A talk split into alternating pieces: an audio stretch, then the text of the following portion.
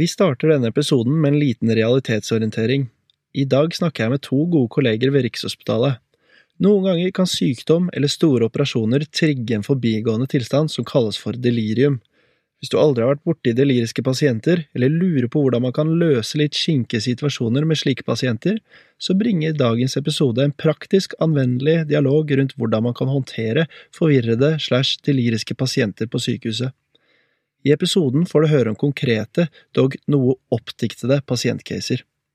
For OUS og vår egen integritet er det viktig for meg å understreke at casene vi beskriver er modifisert, og detaljer er funnet opp slik at taushetsplikten skal ivaretas. Det kan være situasjoner som vi beskriver i episoden som ikke faktisk utspilte seg slik vi akkurat forteller.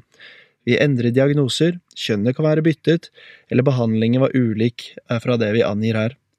Taushetsplikten i helsevesenet er en sentral brikke i tillitsforholdet mellom pasienter og helsepersonell, og det er viktig å respektere dette. Håper du lærer noe nytt i dagens episode, og husk å sjekke ut fysi.no for lenker og litteratur relatert til dagens episode. Følg oss gjerne på Instagram under fysi.no, der har vi ukentlige quizer og annet faglig innhold. Hei og velkommen til denne episoden på Fysi podkast. I dag er dagens eh, tema delir, delirium, en forvirringstilstand. Med oss i studio i dag så har vi eh, Kjetil Paulsen Stensvik og farmasøyt Asbjørn Lundan. Så velkommen, da, gutta. Eh, altså, Asbjørn har vært her før, men Kjetil, vil du bare si litt hvem du er? Kjetil Steinsvik Paulsen heter jeg. Sa du feil? Jeg sa feil i introen. Ja, ja, fysio på Rikshospitalet. Uh, har jobba snart i sju år. Uh, sitter jo på kontor med Fysi Fredge. Så vi jo nyte hans livlige vesen daglig. Ok.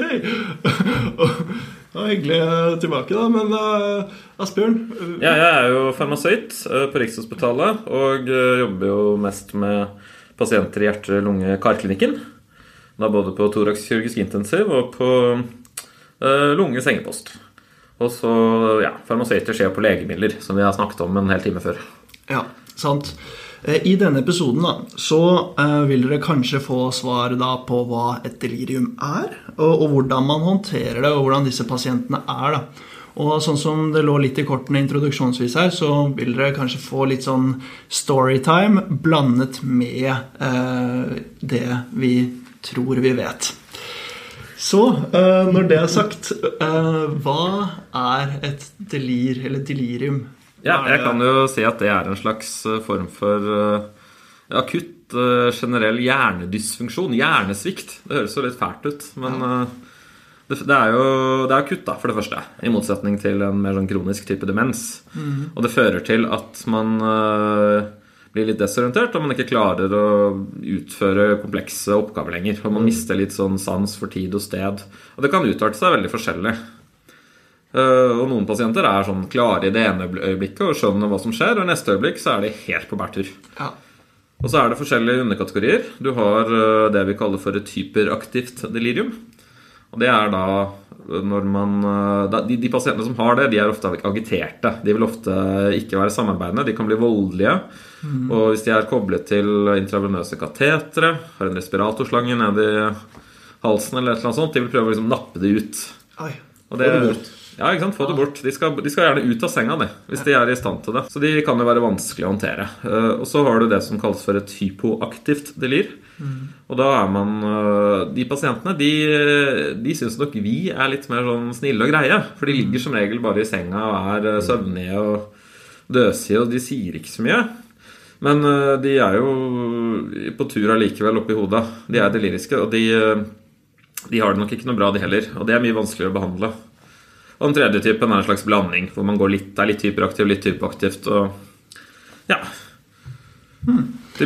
Ja, så, så, klassifiseringen da hyperaktiv, hypoaktiv og en miks. Mm. Um, så kanskje, kanskje, vi skal um, jeg vet ikke om dere har noen tanker om, som, om det er noe hensiktsmessig å si introduksjonsvis før vi egentlig hopper litt på en uh, case. Ja. Men jeg kan jo starte med å dele en erfaring eh, jeg har hatt. da. Eh, så Da var det eh, kvinne, eh, bukoperert. Det går et par dager etter operasjonen. Og så er det da den dagen i året, eller en av de dagene i året, hvor det skal være brannøvelse. Og på intensiven den dagen så går alle og snakker om nå, eh, nå skal det være brannøvelse snart. Eh, klokken tolv så er det brannøvelse. Og jeg hører dette flere ganger da eh, når jeg er eh, på vei til og hos denne pasienten. Og det som skjer er at Jeg skjønner jo straks at uh, for det første så får jeg en heads up fra sykepleieren. sånn, uh, denne pasienten er litt delirisk. Han kan slå. Og da var det greit. Det er mottatt. Men så liksom møter jeg pasienten og snakker med henne. Og var ikke sånn veldig voldelig i øyeblikket da, så vi, vi skulle mobilisere da til å sitte på sengekanten. Lå i sengen, sitte på sengekanten. Det som skjer da, når vi snur oss opp på sengekanten, det er at uh, pasienten er helt overbevist om at det er brann. Så jeg hører bare sånn Hjelp! Hjelp! Det brenner! Ikke sant?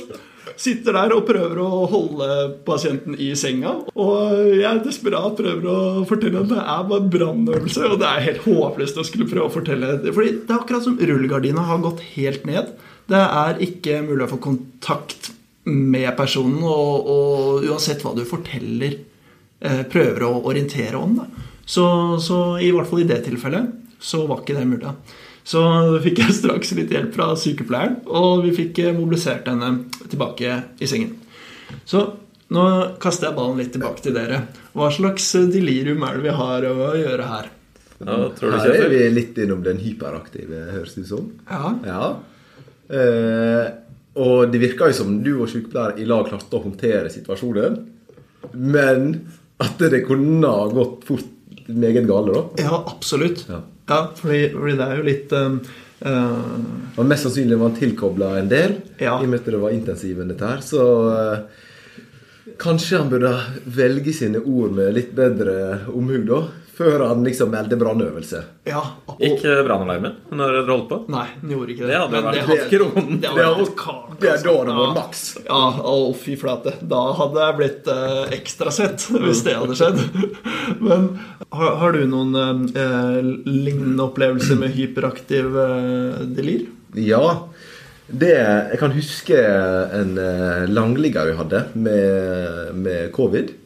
Eh, så var det jo en ganske solid bøs, bøs kar, da. Ja. Eh, og han var jo meget eh, ja, i mer mot den hyperaktive. Mm -hmm. eh, og det, det oppdaga jeg ikke helt før vi har fått han på sengekanten. Oi. For før den tid så var han liksom Han prata litt rart, og vi forsto at det var jo delirium. Mm -hmm. Men vi vet at det, det, kan være effektivt å få mobilisert denne den pasientgruppa. Absolutt. Og mange grader av ja, alvorlighet. alvorlighet Ja. Men når vi fikk satt han opp, da var denne mannen her klar til å slå ned både meg og sykepleieren.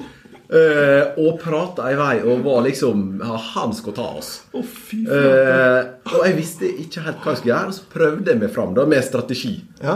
Så spør jeg bare hva, er, hva du kommer fra? For å prøve å endre fokus fullstendig. Ja. Mannen snur opp, ser på meg dypt inn i øynene og begynte å fortelle hva han kommer fra. Nei, det er jo helt vilt. Helt rolig. Ja. Og bare hva i alle dager som skjedde der. Ja. Og så ber jeg han forsiktig etter hvert, han har prata litt om hvor han er fra. Kan du legge deg tilbake i senga? Og han snur seg og legger seg fint Nei, tilbake. Sykepleier sederte godt ned etter det. Vi var ganske fornøyde at dette ikke gikk verre. Men Du kunne mista en tann den dagen, du. Altså, det, hadde han gått løs på meg, hadde ikke hatt sjans. Nei, nei, og så er det jo gjerne sånn De har jo fått litt uh, sedasjon, da. Så det der slaget som kommer, kommer jo ganske treigt. Ja, det, du ser det komme. Ja, men det kan, det kan komme fort, nå. det kan komme en, uh, en rottefelle òg. Det kan det. ja, men uh, det jeg tenkte på, da, Ja. det er jo at um, det er jo en sånn erfaringsbasert um, ting som vi kan dele her nå. Og det er på, hvis vi ser på de to situasjonene med et hyperaktivt delir, da, der i, i, mitt, uh, i mitt eksempel med brannalarmen, så prøvde egentlig jeg å fortelle at det ikke var brannalarm. Eh, mens eh, jeg hadde kanskje ikke så mye fokus på å liksom, eh, begynne å snakke om andre ting enn dette. da Eh, Mens eh, du var jo da flink til å prøve å snu på hælen og finne noe helt annet å prate om. da Ja. ja, jeg lykkes med, jeg lykkes med akkurat denne tilnærminga flere ganger. Ja. Flaks, eller hva det er, det vet jeg men eh, det har i hvert fall roa ned eh, Jeg har gjort det for tre ganger det har vært skikkelig sånn hyperaktivt, og vi har klart å liksom være med enkle grep da, Ja. og, og få snudd situasjonen. Han er, Så eh, ja. Står du og brenner deg på dass, så spør uh, hvor er du fra? Er du Ja. Alle elsker å fortelle om hva det kommer Ja, det er sant. Du må ha den sunnmøredialekta. Det er det som gjør det. Det er godt mulig, så prøv å legge om hvis dere kan. Alle lyttere. Ja. Stattips. Før vi går videre, så vil jeg gjerne takke Fysika journalsystemer, som er med å sponse denne episoden av Fysi-podkast. Fysika er et journalsystem som er skreddersydd for deg som jobber med muskel- og skjelettsystemet. Siden oppstart av Fysika journalsystemer i 2012, så har det vokst til å bli et ledende journalsystem i Norge for fysioterapeuter og andre behandlere som håndterer plager i muskel- og skjelettsystemet. Over mange år har Fysika blitt finkjemmet og optimalisert og presenterer seg i dag som en moderne plattform der det skinner igjennom at utviklerne har hatt et kontinuerlig fokus og en sterk målsetning om å lage det beste journalsystemet for sine kundegrupper. Innimellom så møter man på tekniske problemer i klinikkhverdagen. Som kunde så har du også alltid fri tilgang til Fysika sin bransjeledende supporttjeneste. Så takk for at dere sponser denne episoden, Fysika. Nå går vi videre til dagens episode. Disse hyperaktive deliriumpasientene, Asbjørn. Um, det er jo, det er jo mye, mye omdiskutert om liksom, Skal de ha medisiner, skal de ikke ha medisiner? Når, når er det de eh, skal medisineres for delir? Nei, Problemet vårt er jo at eh, alle medisiner som vi bruker til å roe ned pasienter, eh, kan i prinsippet også skape et delir. Det fins ingen uhildet god behandling mot det her, bortsett fra den setningen din. Ja, Den, er, den virker alltid. Skriv det Så når generelt sett pasienter er utagerte, så bruker vi jo den klassen som heter benzodiazepiner. Beroligende, det har du sikkert hørt om. Sobril og den type ting. Og de er jo kanskje den klassen legemidler som gir mest delir. De kan indusere delir, det gjør det verre. Så det, det kan vi ikke bruke. Eh, og hvis det er smerte i seg selv, kan det også gi delir. Men det kan også smertestillende. Særlig opioider, altså morfin og den type stoffer. Så vi vet jo Du skal behandle det, men du skal ikke behandle det for mye. Og sånn er det med hele smøla. Det som blir brukt mest, kanskje, når man vet at det er delir, det er jo disse antipsykotiske legemidlene. Og de er jo veldig fine til å sløve ned pasienter som eh, har eh, hyperaktivt delir. Når du sier at du sederte pasienten, eller pasienten er sedert etter nesten slo deg ned, så tenker jeg det var det de ga. Ja, Ja, det var. Sikkert uh, haloperidol eller en av de der. Ja, riktig. Og hvis de er veldig sånn utagerende og sånn, så kan man på en måte sedere dem ned. Men så er det også, skjønner jeg det rett, at det, du kan ikke bruke for mye heller, for da kan det tippe litt over og kanskje forverre det litt. Ja, de går jo da gjerne over i et hypoaktivt delir. Da Ja, ligger de er døse i senga. Ja, ja. Og så er det jo veldig viktig med ikke-medikamentelle tiltak i en sånn setting. Altså Ting som ikke har med legemidler å gjøre, det at de har et eh, normal døgnrytme. ja. At de er noenlunde skjerma, at det ikke skjer så mye. Og så ligger du på en flermannstid. Det er liksom litt som å ligge midt i et veikryss med alt som skjer rundt. Og Ja, ja. Det er ikke bra. ja ref. brannalarm. Ja? Eh, men Det er, ikke en, det er ikke en situasjon du trenger mer stimuli. Nei. Det, Ja, det, er- ja, det er et veldig godt poeng, og det er jo kanskje noe eh, de, Disse tiltakene vi som fysioterapeuter og egentlig personell på en intensivavdeling eh, kan gjøre, er, det må vi komme tilbake til. Men eh, du var også litt inne på hva er det som kan utløse eh, et eh, delir. Og her er det jo eh, Lista er jo lang, hvis jeg har skjønt eh, det, da. Og den er for lang til å leses opp. Men det er eh, eh, Men Er det bare pasienter på en intensivavdeling som uh, kan få uh, delir, eller skjer det her uh... Nei, det kan vel skje på andre pasienter òg. Ja. Dere har vel sett det på sengepost. Og så er det jo selvfølgelig sånn at hvis man først går inn i et delir, Mm. så er det ikke sånn at det nødvendigvis har gått over etter en dag eller to dager eller tre dager. Eh, Mm. Pasienten kan likevel bli flyttet til en sengepost. Ja. ja, ja. Og du har Kjetil, har vel sett en del pasienter på sengepost med delir? Uten tvil. Eh, og da gjerne Det hyperaktive blir jo så lett oppdaga. Men disse som har hypoaktivt, de kan bli flytta hit og dit, og, og de flyter bare på ei delirbølge. Eh, og, og da er det ofte at det, eh, vi må ha inn pårørende for å liksom Ja. Vil du Altså, jeg spør ofte pårørende hvordan vil du beskrive mannen din, kona di? Altså, nå, er han som vanlig, eller ei? Og da er det, ja, da får han ofte veldig, veldig gode svar. da. Og da kan du gå inn og spørre litt mer. Du kan jo også selvfølgelig spørre pasienten, da. Men, eh, men du, du får en veldig god pekepinn. Ja. Men det, det du sier nå, er egentlig et av de viktigste tiltakene. Har du Ja. en pasient som er klin delirisk, send inn kona. Ja. La det være sånn. Ja, Det er, eh, det er, det er, og det har vært litt vanskelig under covid, dessverre. Ja, det Med er det. besøksforbud og sånne ting. Så Ja. For ikke snakke om da en typisk koronapasient her på huset som har da lang liggetid, ingen pårørende over ja, dagevis, ukevis. Mm. er- ligger en, en smittekohort hvor alt personell rundt tar på seg masker. Og, Ja, fy flate. Eh, Vi hadde jo en egen episode med Kristina Struksnes Fjone og Åse Kristine Wagel om akkurat det her. Det er jo omtrent en delirfabrikk inne på kohorten, hvis jeg liksom skal si det litt flåste. Men ehm, hvis vi går litt videre Fordi vi har jo da snakket litt om at eh, det er hyperaktive delir, og det er en miks, altså at det kan gå over til å bli et uh, stille delir, eller hypoaktivt delir. Um, er det noen som eh, kan dele noen krypterte erfaringer med pasienter med hypoaktivt delir? Ja, jeg har vært, borti det.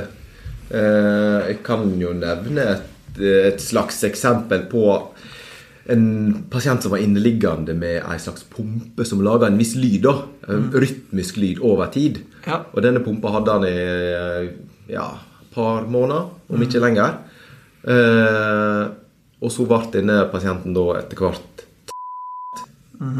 Eh, og i fasen etter det så fant vi ut at det var ganske lett å oppdage, for da var han i en hyperaktiv delirfase. Og så fikk vi han over i en hypoaktiv med legemiddel. Eh, og, eh, og deretter så begynte vi liksom å Det ble rapportert at ja, han er adekvat og fører gode samtaler og sånn. Ja. Men når vi da fikk inn eh, kona, så fikk vi avdekt at det, oh, ja. denne pasienten ikke var klar i det hele tatt. Ja, riktig. Og, eh, og når jeg da går inn og spør liksom pasienten helt spesifikt Vet du hvorfor du er innlagt her, så kan ikke han svare for seg. Nei. Men du kan føre en helt vanlig samtale med pasienten Ja. om hverdagslige ting. Ja. Og om hans sine interesser nesten også, og, og ganske spesifikke ting. Asteik. Men det er også litt typisk med den uh, hypoaktive, å være litt Ja. inn og ut av det.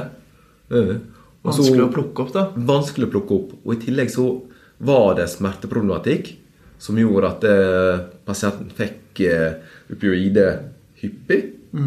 Og det vedvarte det eh, hypoaktive delirium. Ja. Han ble sløv, da, med andre ord. De blir Ja. sløvet han ned. Ja. Og da blir han aldri klar, for han er sånn halvsov litt. Og... Mm. Riktig. Og, og det som er artig da, når han begynte etter hvert å klare den opp, det er at det, jeg spør ham om liksom Ja, husker du noe av de siste tida? Altså, da snakker vi siste to månedene, tre månedene. Og da eh, kan han huske at han har vært på en veldig lang båttur. Båttur, ja. Ja, Ja, rytmisk der har du det, vet du. Ja. Rytmisk lyd. ja. Oi. Og husker altså så lang tid er borte, da. Ja. Altså, jeg kan forstå det litt. Altså, de sykehusgangene kan jo med litt godvilje minne om et liksom, gammelt cruiseskip, liksom. Det er ikke utsikten, da. Nei, jeg har ikke utsikten, nei. Ser ut og ser havet. Ja, ser kanskje til Oslofjorden. Ja. MS Rikshospitalet. Ja, men, um, Men ja, og det er ubehagelig, ubehagelig situasjon for pasienten når han innser hva dato det er, og, eh, og har vært borte såpass lenge. Men det er vel ikke alle pasienter som glemmer det heller? At de, de er vel kanskje sånn at de husker hva de har gjort, og de, de kan jo kjenne på en anger. over at, å herregud, jeg var jo gæren. Jeg slo jo Kjetil. Ja. Jeg hadde jo ikke lyst til det, men akkurat da virka det rasjonelt for meg. Altså, Sånn har det det. Det må jo være forferdelig forferdelig. Ja. Ja, Og, det, og der der er det mange pasienter som forteller til oss Vi følger jo pasientene veldig lenge. Ofte.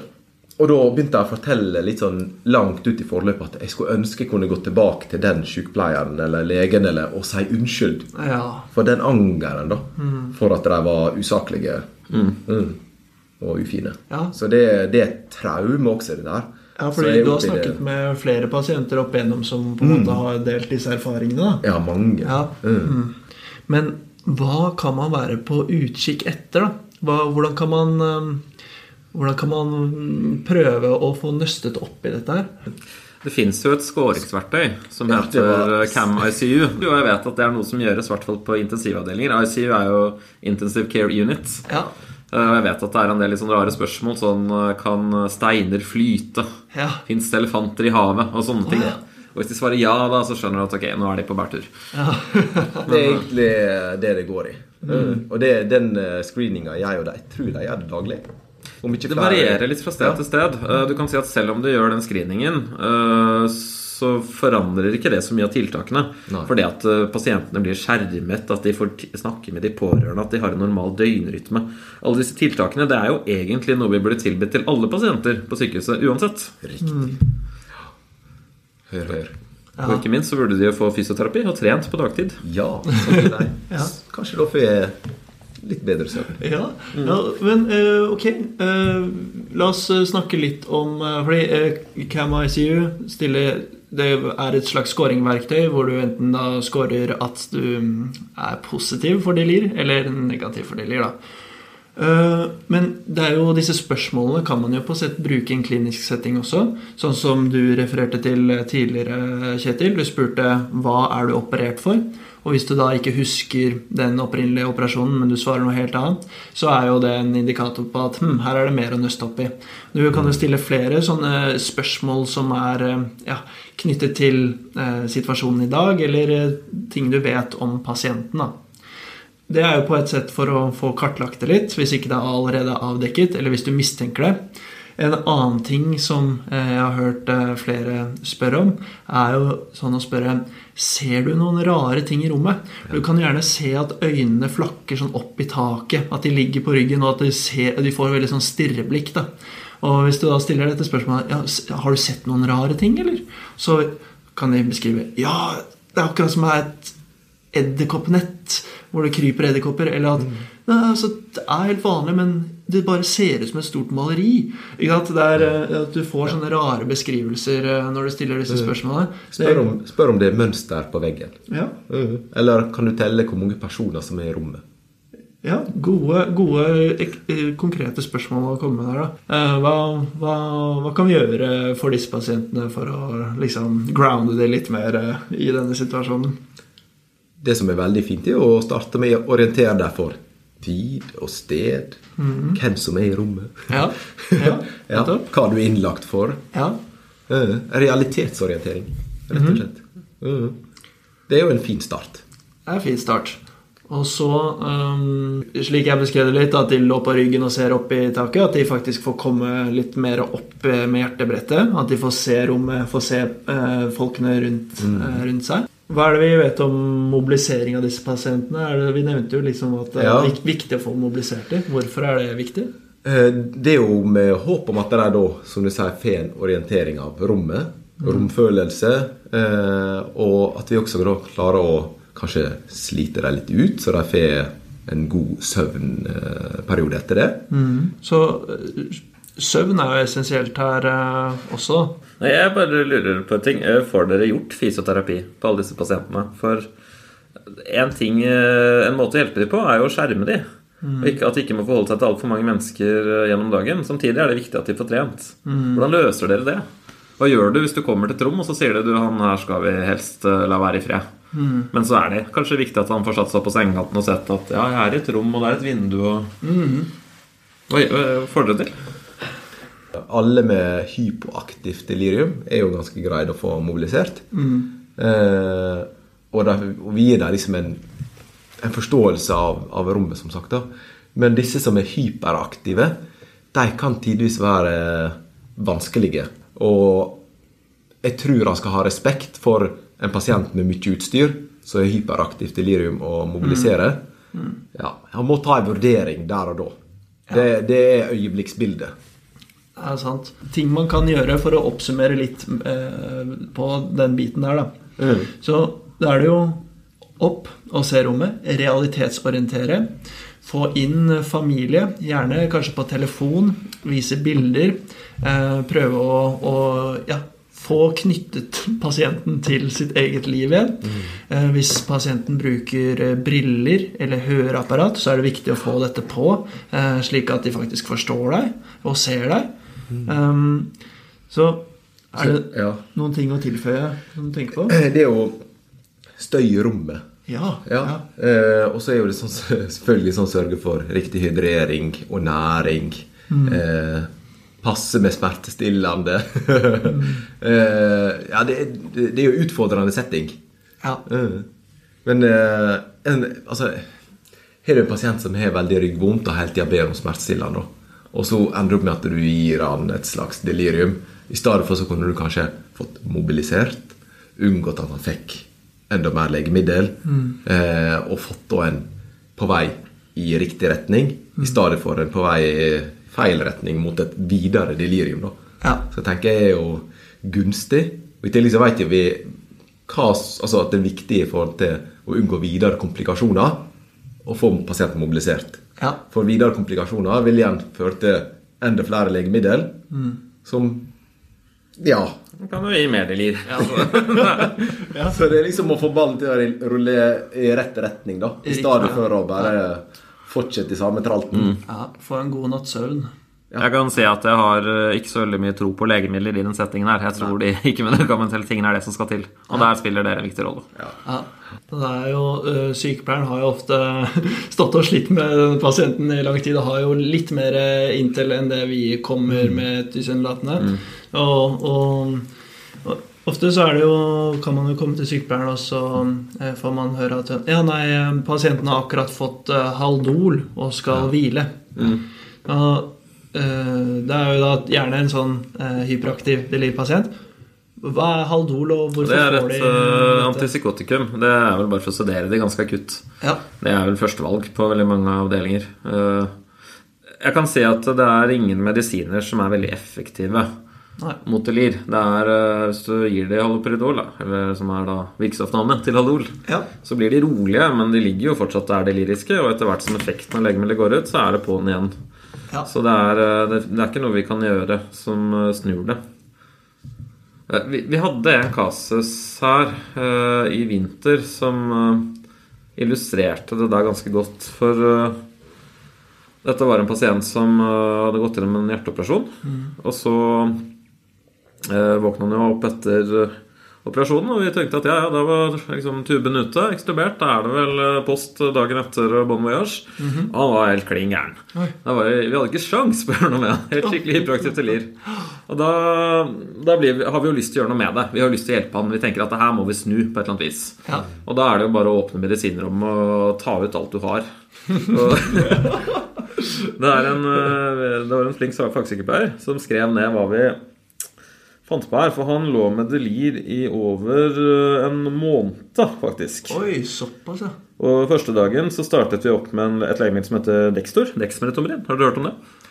Ja. Sett. Det er en eh, Vi, vi har, har jo sett dette på huset, men det er sikkert mange der eh, hjemme som ikke har um, hørt det. da, Hørt om det. Ja, uh, Dextor det er jo siste nytt innen sedasjon. Det er liksom det som er hot og kult, eller var i hvert fall det. Det kom for uh, om lag 20 år siden, så, så hot er det jo ikke. Men uh, sammenligna med de andre tingene da, som er mye eldre, så er det jo det. Ja. Det er en, eh, et legemiddel som er klassifisert som en alfa-2-agonist. Det sier dere sikkert ikke så veldig mye. Ja. Men det den gjør, er at den demper sympatikus, Alle sånne adrenerge funksjoner oppi hjernen, altså sånn Ja. det, de blir dempet. Alt sånn fight or flight-respons går ned. Og hvis du gir nok av det, så kan man sove på det. Sånn lett søvn. Lett sedasjon.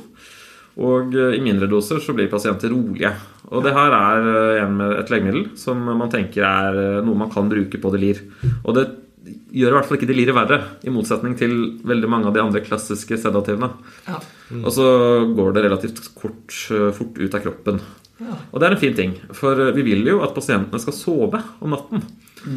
Det er det ikke sikkert at en delirisk pasient er enig i. Så da er det veldig greit å kjøre en litt høy dose med dexmedetomidin, Dextor, på natta, og så kan man skru det av på dagen når de skal våkne, og så får de kanskje en normal døgnrytme. Du sover ikke en Nei, naturlig søvn på det her legemiddelet. Det er det ingen anestesimidler som gjør. Det er, eh, Mm. Men eh, allikevel eh, normaliserer ting litt. Ja. Det er også forbeholdt på intensiv lovvåkning overvåkning, eh, så det er jo ikke tilgjengelig alle steder. Så hvis du er på sengen sengepost, så får du ikke gitt den. Nei. Nei. I hvert fall da, eh, på den pasienten. Vi starter Vi starter opp med Dexmedin på dagen. Tenker nå skal dette deliret bort. Mm. Det gjør det ikke. På dag to så øker vi dosen til det meste vi kan gi. liksom Nå er det full pupp.